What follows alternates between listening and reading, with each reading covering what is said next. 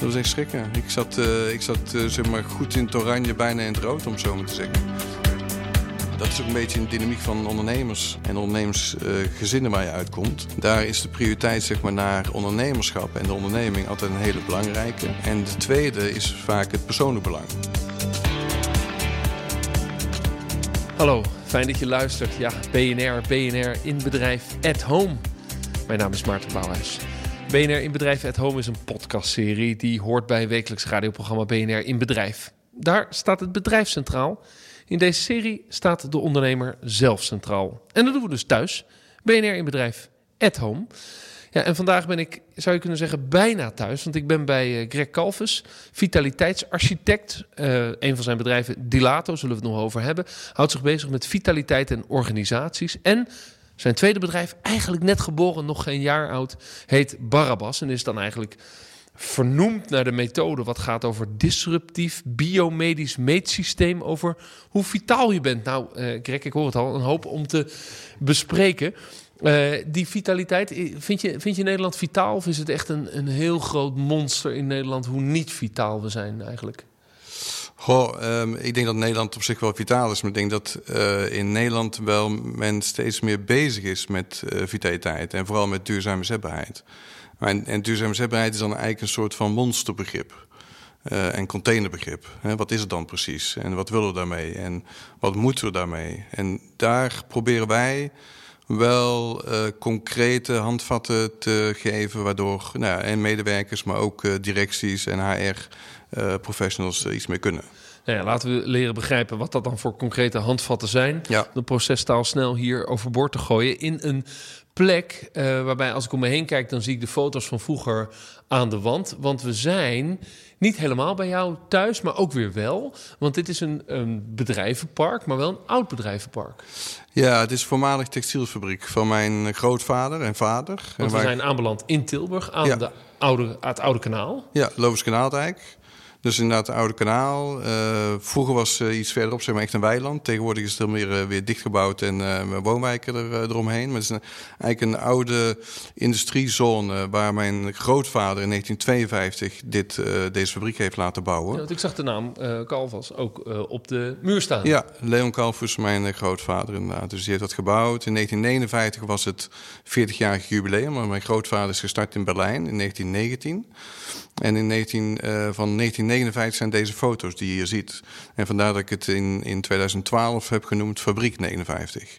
Als soort verwijzing naar die periode. Ja, precies. Want zo heb je het terrein genoemd, Fabriek 59. Precies. Maar uh, nu was het een, een, een, bedrijf in de familie wat uh, kleding inzamelde, sorteerde en weer doorverkocht. Ja. Dat zien we hier ook op de mooie oude uh, zwart-wit, of eigenlijk bruin-wit ja. foto's. Um, zit dat nog steeds in de, in de familie eigenlijk, die, die kledinginzameling? Ja, mijn neef. we hebben nog één tak in, in de familie Kalfus waar mijn neef in Hongarije, die heeft nog een bedrijf met een man of 70, 80 en die doet eigenlijk hetzelfde proces. Uh, professioneler, uh, geautomatiseerder. Is zelfs bezig met een, een machine om uh, het sorteerproces zeg maar, machinaal te laten plaatsvinden in plaats van zeg maar, door mensen. Ja, nou hier op de foto's gaat het nog door mensen. Ja. In een hele grote fabriekshal. En jij kon uiteindelijk uit de boedel van de familie dit, dit hele terrein overnemen. Ja. Daar komt het op neer. Ja, ja. Dat is... Maar je dacht, het wordt geen industrieel complex, maar het wordt meer een kenniscomplex. Want nu zitten er allerlei dienstverlenende bedrijven. Ja, het is een mengeling inderdaad van dienstverlenende bedrijven en, en winkelachtige uh, bedrijven, om zo maar te zeggen. Het is, het is niet 100% detailhandel, maar het is eigenlijk een combinatie van detailhandel en groothandel, wat je hier ja. ziet. Showrooms, evenementenbureaus. Uh, een wijnhandel, een bloemisterij, weet je, dat soort zaken. Ja, toch een beetje je eigen community gecreëerd. Ja. Uh, en, en, daar zitten we dan aan een heerlijke houten tafel op, op comfortabele stoelen met de, de klok van Hawaii, de Malediven en Bali aan de muur. Is dat, en Tilburg uiteraard, maar zijn die onderste drie dat natuurlijk heerlijke eilanden in de wereld zijn, plekken voor jou dat je denkt, hoe laat is het nu daar en wat zou ik dan doen? Is, is dat het gek? Is, uh, moet ik het zo zien? Eigenlijk een soort winstbestemming. Uh, de, ik ben een watersporter, dus alles wat met water te maken heeft... Uh, ja, ik, ik, ben een kitesurfer en een windsurfer, dus alles wat met water te maken heeft... heeft mijn aandacht. En dit zijn wel hele mooie bestemmingen om daar eens een keer te gaan watersporten. Ja, oh, dus het is eigenlijk zijn droomstemmingen. Het zijn droomstemmingen. Ja, je moet er nog naartoe. Ja, zeker. We nemen deze opname en de Malediven is het nu half elf. Hè, half elf? Ja, het is nu hier twee uur. Nou ja. Ik ben er niet zo goed in of de tijd nou vooruit gaat of achteruit, uh, deze alfa. Ehm, goed, waar, waar, gaan we het over hebben? Over vitale werknemers. We verzamelen steeds meer data waaruit blijkt dat bedrijven met fit en gelukkig personeel beter scoren. Centraal Beheer wil daar een steentje aan bijdragen en daarom sponsoren zij deze podcast. Met verzekeringen en diensten wil de club uit Apeldoorn positief bijdragen aan de groei van ondernemers. En daar zijn wij natuurlijk alleen maar blij mee. En dat is ook de manier waarop ik bij jou aan tafel kan zitten, Greg. Ehm, we gaan het hebben over dat aspect van die vitaliteitsarchitectuur. Want dat is zoals je jezelf noemt. Vitaliteitsarchitect, wat is dat dan? Ja, wat wij doen en wat ik doe, is ik ga met de organisatie in gesprek. En ik ga kijken wat zij, uh, wat zij willen, waar de behoefte aan is. Als je over vitaliteit en met name over duurzame zetbaarheid. Uh, en ook te kijken wat zij hebben in huis zeg maar, aan leiderschap daarin. Hè? Dus hoe zijn hun leidinggevenden en wat doen ze daarin? Of, of wat doen ze daar niet in? En hoe is het met de eigenaarschap gesteld van medewerkers? En dat breng ik in kaart, of brengen we in kaart. En op basis daarvan ja, ontwerpen we een, programma wat eigenlijk aansluit op de behoeften en antwoord geeft op de behoeften van een organisatie. Ja, dus het gaat heel erg over mensen en of ze lekker in hun vel zitten. En of ze in ja, zitten. Ja, daar gaat het inderdaad ook oh, Ja, precies, die twee. Nou ja, inderdaad goed in je vel zitten. Eigenaarschap nemen over wat je te doen hebt. Uh, is het nou met je loopbaan? Is het gesprek aangaan met je leidinggevende? Is het over je balanswerk en privé? Nou, dat eigenaarschap zeg maar nemen. En de leidinggevende die nou ja, op de goede manier, op de goede, met de goede toon het gesprek aangaat. Maar ook wel durft het gesprek aan te gaan waar het echt over gaat. Ja. Wat erbij is gekomen is, waar je dan vorig jaar ook dat extra bedrijf in bent gestart, Barabbas. Uh, is een, een scan, een soort meetmethode over stresslevel. Ja. Wat, wat, is dat voor scan? Ja, het is een, het is een innovatief, wij noemen het een disruptief uh, biomedisch apparaat. Uh, gevalideerd inmiddels. En, en dat meet jou uh, in 122 seconden meet je door. Het is ook echt een fysiek apparaat. Het is echt een dus fysiek je apparaat. met je vingers aan, aan, aan snoeren en draden. Ja, met je blote handen en blote voeten op platen. Dat, die meten zweetsecreties, een afgifte van zweet en, en huidgeleiding. Je hebt elektrodes op je voorhoofd. Uh, je hebt een oximeter. Als een bondfilm of je niet lukt in een interview. ja, nou ja, het geeft gewoon ongelooflijk veel informatie uh, over hoe je in je vel zit. Dus zowel op het gebied van mentale fitheid uh, als op voeding en beweging, zeg maar. En in twee minuten? Ja. Meten ze dus heel veel, laten we zeggen, afscheiding van je lichaam, zweet en, en andere stoffen. Ja. En daar krijg je informatie uit. Ja, precies. En, en wat, voor informatie is dat dan? Ja, informatie die, jou iets, die, die ons iets vertelt. Als wij als uh, zeg maar, onze inzetbijsexperts, die, die krijgen informatie uit het systeem waar ze het gesprek mee kunnen aangaan over nou, de fitheid. Niet zozeer niet alleen de fysieke, maar ook de mentale fitheid van medewerkers, van deelnemers. Dat betekent dat als ik mentaal niet fit ben, niet lekker in mijn vel zit, niet in mijn rol zit, heel veel stress ervaar, dat mijn lichaam de hele dag door dat, dat, dat, dat laat zien door de, door de stoffen die ik uitstoot. Ja. niet uit welk moment van de dag je mij scant. Nee, nee er is zeg maar, een verschil zeg maar, tussen langdurige en kort, korte durige stress. En het apparaat zeg maar, kan daar verschil uh, uit opmaken. En wij kunnen dus zien wat langdurige stress is. En wij kunnen zien wat jouw herstelcapaciteit is, maar ook wat het herstelvermogen nog is. Wat er overblijft of hoeveel herstelcapaciteit gevraagd wordt. Wij kunnen kijken naar het autonome zenuwstelsel in het systeem. Dat wil zeggen dat we kunnen zien, nou, het gesteld is met je, ik, ik zeg het maar even, gaspedaal en rem rempedaal. Nou, en, en dat geeft gewoon heel veel uh, handvatten waarmee een inzetbaarheidscoach met een deelnemer in gesprek kan komen. En als je nou een voorstel doet om bij een team of bij een managementlaag uh, die Barabbas eh, scan te gaan inzetten. Zegt dan iedereen, ja, goed idee, gaan we doen. Wil ik. Uh, als, het, als, het, ja, als ze het eenmaal uitgelegd hebben, dan wel.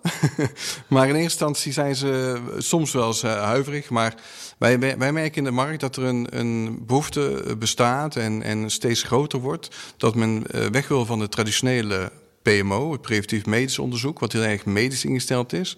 Daarvan zeggen wij van, joh, ga ervoor naar je huisarts. En ga vooral, als je kijkt naar inzetbaarheid en vitaliteit, ga daarvoor inderdaad aan de slag met dit soort uh, systemen. En dat levert meer op. En het heeft een grotere impact en het zet mensen in beweging. En dat is uiteindelijk wat we willen. Ja, dus je moet het uitleggen en dat willen mensen wel. Toen je ermee begon, ben je zelf ook aan de scan gaan hangen?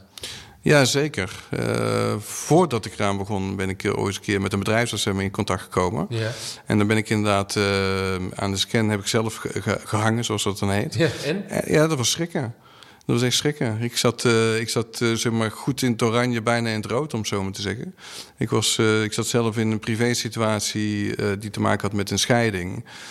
die nou ja, opkomende was. En dat gaf toch een hoop spanning en een hoop stress. En de bedrijfsarts die ik destijds sprak, die gebruikte het apparaat wat wij nu ook gebruiken. En nou, die heeft me toch wel mijn ogen geopend.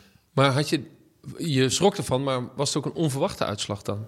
Ja, dus, dacht dus je gaat door het leven heen met het gevoel... ik heb alles onder controle. Ja, precies. Dat dacht ik. en, en in die zin is het een soort van nou, spiegel, maar ook een soort van leugendetector. Want je kunt wel denken of voelen, of denken te voelen dat het goed met je gaat.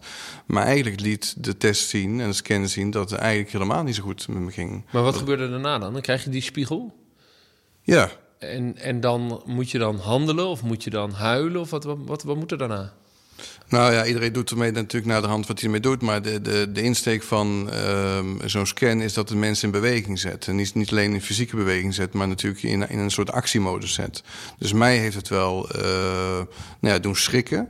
Uh, en mij heeft het wel in beweging gezet om er iets mee te gaan doen. En niet te denken van, weet je, het komt allemaal goed, het loopt wel zijn gangetje. Ja, maar je zegt, ik stond aan de vooravond van een scheiding. Wie zat in zo'n proces? Heeft het dat nog versneld? Ja, dat heeft voor mij wel versneld om actie te ontnemen om te zorgen dat ik in balans bleef. En ik denk als ik keek naar de resultaten, dan was de kans misschien ook wel groot geweest dat ik wellicht op een bepaald moment ook was uitgevallen. Denken dat ik gewoon nog steeds hard op mijn gaspedaal kan blijven eh, stampen, om zo maar te zeggen. En tegelijkertijd. Want je was eh, en het bedrijf aan het duwen en natuurlijk thuis alle ballen in de lucht aan het houden. Ja, zeker. zeker. Het zijn intense periodes, hè. het zijn live events. Als je live events, uh, overlijden van bepaalde mensen in je omgeving, maar ook een scheiding hoort daarbij. Ja, weet je, ik ben ook wel opgegroeid in een, in een mindset, hè, zoals je hier ook zit, hè, familiebedrijf. Dus uh, we gaan door. En ik zou bijna zeggen, ten koste van heel veel gaan we door. En dan is het wel goed om even een spiegel voor gehouden te krijgen. En te, je te realiseren dat je nou ja, iets te doen hebt om te zorgen dat je effectief ook wel duurzaam door Maar zijn het type mensen die zo'n uitslag krijgen waarin je een oranje in het rood zit van zo'n, van zo'n test? Uh, als je dan terugkijkt, zijn dat altijd mensen die, die ook in een omgeving hebben gezeten waarin ze te lang doorgingen, waarin het te gewoon is om maar gewoon te blijven, te blijven pushen. Ja, ik denk dat een soort werkethos zeker wel een rol speelt. Hè? Als je kijkt over het gedrag van mensen. Ehm, maar de oorsprong is vaak heel verschillend hoor. Het kan ook zijn dat mensen op een plek zitten waar, ze, waar hun kwaliteit of talenten niet eh, tot hun recht komen. Uh, het kan zijn dat mensen met uh, leefstijlzaken zeg maar, kampen. Hè, als je kan praten over overgewicht en dat soort zaken. Want dus op zichzelf geeft de scan dus geen oorzaken. geeft alleen maar een, nee. een rood signaal. Ja. Uh, en wat waren dan bij jou de belangrijkste oorzaken? Ja, dat was echt wel stress. Maar die kwam van het werk of kwam die dan juist van thuis? Nee, die kwam direct van de privé situatie af. En in combinatie met beide, zeg maar. Combinatie werk en, en, privé. Beide. En heb je tegen je ex gezegd dat ze ook de scan moest doen? Of? Uh, nee, dat was toen niet meer aan de orde. niet meer aan de orde, nee, precies. Dat was toen, toen waren we wel verder uit, uit elkaar aan het gaan. Ja, er, eraan werken en terugkomen bij elkaar, dat was toen niet meer... Uh... Dat was die, die stage, die, dat, dat stadium waren we al voorbij. Dus ja. uh, daar, was geen optie meer. Ja. Maar het gaat er vooral om, denk ik, wat je er zelf mee kunt. Hoe lang duurt dan die herstelperiode? Heb je daarna, ben je een jaar daarna weer aan die scan gaan hangen... om te kijken hoe het toen met je ging? Ja, dat heb ik, nou ik zal niet zeggen een jaar daarna, maar uh, um, ja, ik ben denk ik wel anderhalf jaar later heb ik toevallig, uh, want toen zijn wij gaan kijken naar het opstarten van Barabbas. Zijn we ook in contact gekomen met de Europese distributeur van het apparaat. En toen hebben ze hem inderdaad weer gemeten en toen was het inderdaad uh, aanzienlijk beter. Dus dat is fijn. Ja, dat is zeker fijn. Ja, precies. Was dat ook een voorwaarde om, want je hebt het bedrijf met je compagnon. Dat je ook tegen elkaar zegt van... Uh, ik ga alleen met jou een bedrijf beginnen als je in balans bent. Dat zij heeft gezegd van, uh, doe eerst maar eens een scan. Als je nog steeds in het rood zit, dan beginnen we er niet aan. Ja, dat had ze misschien wel kunnen zeggen. Dat heeft ze niet gedaan. Maar we hebben het er wel over gehad. Want uh, het blijft natuurlijk wel privé een, een moeilijke situatie in zo'n beginfase. En um, nou ja, ik denk dat ze wel blij was toen ze zag dat de scan zeg maar, positiever eruit zag. Zeg maar, anderhalf jaar later. Ja. Zeker. Ja, ik heb het haar niet gevraagd trouwens. Nee. Misschien had ik het ook wel kunnen vragen aan haar. Ja, maar heeft zij zelf wel de scan gedaan? Ja, ze heeft uiteindelijk goed scan gedaan. Het zag er goed uit. alles mooi in het groen. Ja. Alles in balans. Nou ja, nee, dat, dat klinkt heel erg idealistisch. Bij, bij iedereen is er wel wat te winnen. Uh, en wij zijn natuurlijk gewoon mensen. Hè? We zijn ondernemers, maar tegelijkertijd ook gewoon mensen. Heeft in die zin iedereen altijd wel iets? Als je eenmaal gaat uh, researchen, gaat scannen... dat er altijd wel wat gevonden wordt? Niet altijd, maar ehm, er is wel vaak wel op een bepaalde manier wel winst uh, te vinden. Nou ja, je noemt het winst, maar dat is ook een van de kritiekpunten op, op misschien niet deze scan, maar wel op andere type scans. er is dus heel veel kritiek op bijvoorbeeld de medische pre-scan, uh, waarin mensen door de mangel worden gehaald. Ja, je vindt altijd wel iets en dat maakt je eigenlijk alleen maar onzeker over uh, je lichamelijke toestand, terwijl dat helemaal niet had gehoeven. Is er in die zin ook weerstand tegen wat jullie doen op basis van 122 seconden uh, iemand stresslevel meten? Terwijl het ja, misschien ook maar een momentopname is. Het is zeker een momentopname, dat sowieso. Uh, ja, we komen af en toe wel weerstand tegen. Heeft ook te maken dat mensen uh, soms moeite hebben om te geloven dat je in 122 seconden inderdaad zoveel resultaat zeg maar, hè, naar boven kunt halen. Uh, dan helpt het inderdaad om het een gevalideerde rapportage kunt laten zien en zeggen: jongens, we hebben dit door een hè, onafhankelijk onderzoeksbureau laten testen. Um, ja, weerstand kan ook soms in zitten dat mensen misschien niet altijd even bereid zijn om in de spiegel te kijken. Dus dat is natuurlijk ook een, een item. Maar ik denk dat de kunst juist er vooral in, is om die resultaten eigenlijk positief te gebruiken. Dus niet als een soort bedreiging, maar als een soort kans. En dus onze inzetbaarheidscoaches worden ook opgeleid en getraind om dit soort signalen en dit soort weerstand, om daar gewoon goed mee om te gaan. En te zorgen dat ze die kunnen ombuigen naar een soort actie in plaats van reactie. Ja. En dat, is ongelooflijk belangrijk. Kijk, het is niet bedoeld om mensen te choqueren, maar het is bedoeld om mensen wel een spiegel voor te houden en te laten zien waar nou ja, die winst dan zit. Maar ook om mensen echt in beweging te krijgen. En niet dat ze denken van wow, wat moet ik hiermee? Nee, we gaan ook met ze in gesprek, want we hebben, onze interventie duurt een uur. En we gaan met mensen echt in gesprek over de resultaten. En we gaan kijken wat zijn interventies, vervolginterventies, die nodig zijn om mensen nou ja, die winst te laten behalen. Maar in een uur ga je toch niet veranderen in gedrag? Nou, je kunt in een uur tijd kun je toch mensen wel op andere gedachten en uh, ideeën zetten. Dus we moeten dit gesprek een uur maken. Ja, uh, Kijken wat we kunnen bereiken. Ja, absoluut. Nou ja, kijk, een van de, van de gedachten die ik erbij heb... is je hebt zelf zo'n zo'n rode kaart gekregen, zo'n spiegel. Vervolgens uh, ga je kijken om het apparaat naar Nederland te halen en ben je een bedrijf gestart. -huh. uh, ondertussen gescheiden. De periode daarna moet ook niet altijd makkelijk zijn. -huh. En wat ik van ondernemers leer, is dat de opstartfase van een bedrijf heel intens is. Heel veel positieve energie geeft, maar ook heel spannend is, of heel veel stress geeft, of uh, nieuwe klanten, nieuwe samenwerkingen. Hoe zorg je er nou voor dat je niet binnen twee jaar weer tegen zo'n zo'n rode test aanloopt? Het zou een beetje flauw zijn om te zeggen... ik moet me regelmatig laten testen door zo'n uh. Maar nee, het is, het is een combinatie van, van alles en nog wat, denk ik. Hè. Ik denk als ondernemer leer je natuurlijk ook zelf uh, zorg dragen voor jezelf.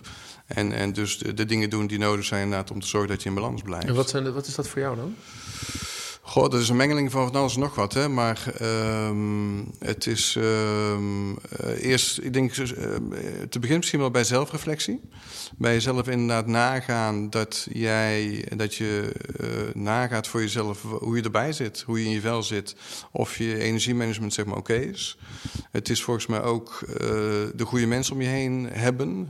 verzamelen klinkt misschien een beetje ja, gestuurd of geregeld. Hè? Maar op een bepaald moment heb je wel de, de juiste mensen en de fijne mensen om je heen die uh, nou ja, ook dingen kunnen terugspiegelen en ook bezorgd kunnen zijn en ook dingen teruggeven. Um, ja, en op een duur weet je ook wel, naarmate je iets ouder wordt, zeg maar, wat je nodig hebt om inderdaad in balans te blijven. Hè. Het heeft met sport te maken, met ontspanning te maken, met contact met uh, de kinderen te maken, uh, met plezier in je werk te maken, met uitdagingen. Maar nou, werk je minder hard dan vroeger? Ik werk slimmer en minder hard dan vroeger. Ja. Dus efficiënter op de dag. Ja. En steek je meer tijd in, in vrije tijd of in sport of in bewegen? Of is het, is ja. het voor ja. jou is dat wat werkt? Dat is onder andere wat werkt. Ja, want je wil surfen op de Malediven. Ja. Daar moet je en veel geld voor verdienen, anders kom je niet in de Malediven. Ja. Maar je moet er ook tijd voor hebben. Absoluut. En ook prioriteit aan willen geven. Prioriteit aan willen geven. En dat is natuurlijk wel een interessant thema. Hoe vaak sta je dan nu per jaar op de surfplank als dat zo belangrijk voor je is? Ja, veel meer dan vroeger. Uh, misschien nog wel een wens naar nog iets meer. Maar uh, dat is ook een beetje een dynamiek van ondernemers en ondernemersgezinnen uh, waar je uitkomt. Daar is de prioriteit zeg maar, naar ondernemerschap en de onderneming altijd een hele belangrijke. En de tweede is vaak het persoonlijk belang. Dus ondernemersbelang staat meestal vooraan. Persoonlijk belang is vaak nou ja, het tweede level. Veel familiebedrijven komt het bedrijf eerst en daarna de familie. Ja, precies. Maar dat is niet per se positief als dat zo is. Nee, dat is helemaal niet zo positief. Voor het bedrijf wel.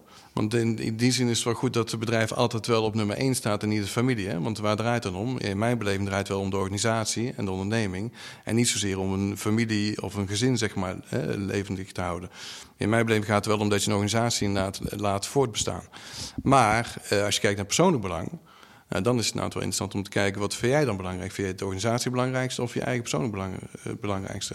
Ja, voor mij toch wel de tweede. Ja, maar goed, en als je dan ook nog een telg bent uit een familiebedrijf.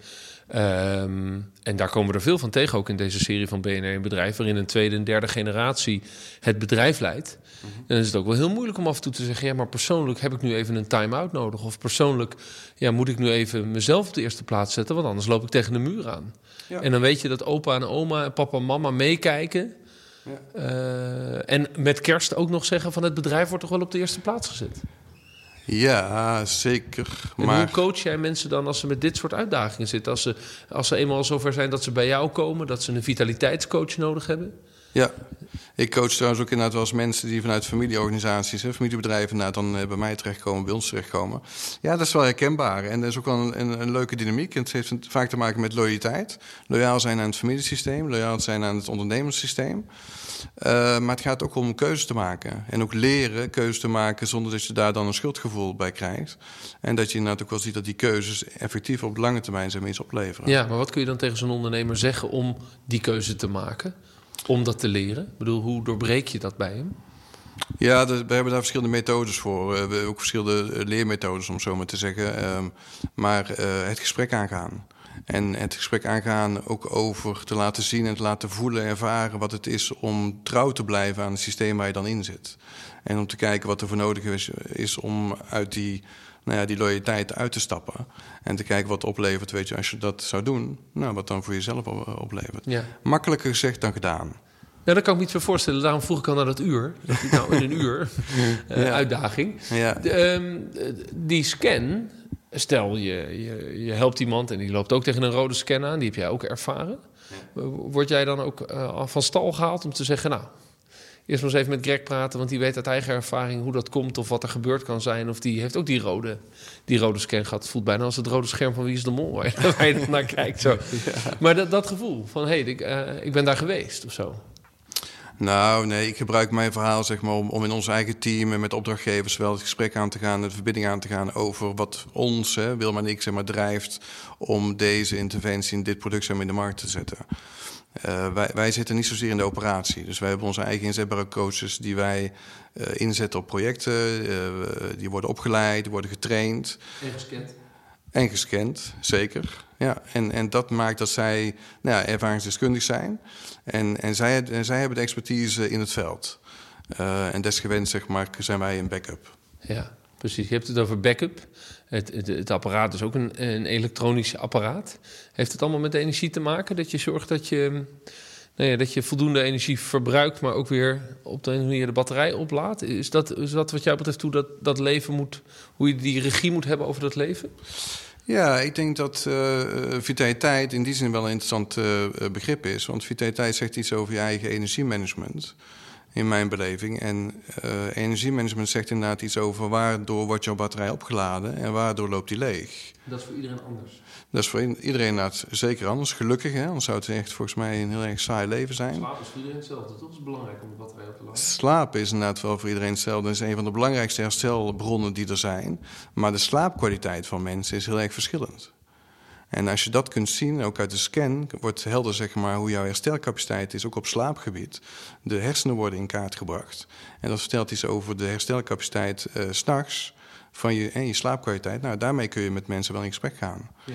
En daarmee kun je dus ook wel gaan ontdekken en gaan verkennen wat zij anders zouden kunnen doen om te zorgen dat ze een betere slaapkwaliteit verkrijgen. Ja, maar dat gaat over slapen. Maar andere dingen om je batterij op te laden, dat, dat, daarvan zie jij in de praktijk dat voor allemaal mensen is dat heel verschillend. Ja, absoluut. Je kunt ook loopbaanvraagstukken inzetten. Zit je wel op de goede plek? Zit je wel in de goede organisatie?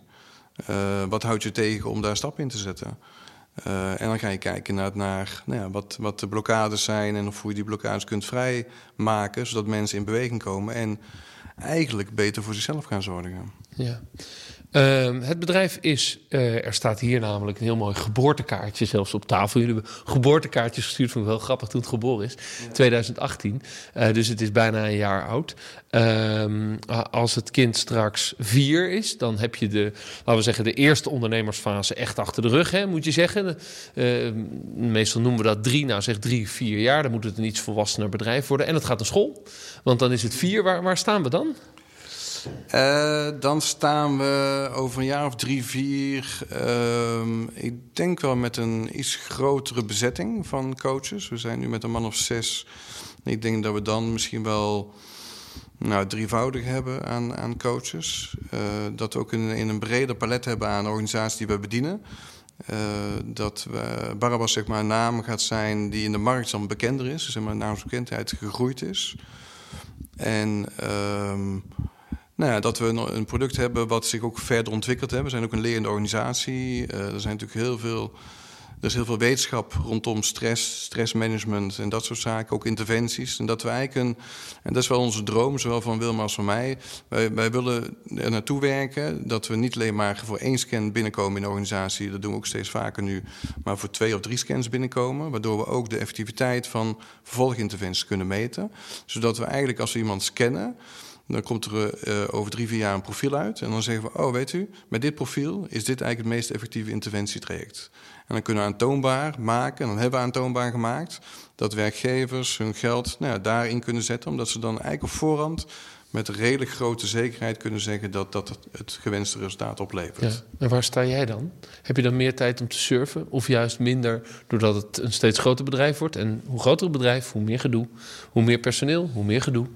Ja, dat is wel een interessante. Uh, Willem en ik hebben ook vaak uh, zeg maar overlegmomenten met elkaar. Niet alleen over de operatie, maar inderdaad ook over nou, een beetje metacommunicatie. Van hoe zitten we erin en hoe staan we erin. En wij houden elkaar wel scherp op dat gebied, gelukkig. Dat is ook wel leuk om zo met elkaar te kunnen werken. Um, en wat mij betreft gaat het niet betekenen dat we dan meer werken. Nee, in ieder geval niet meer.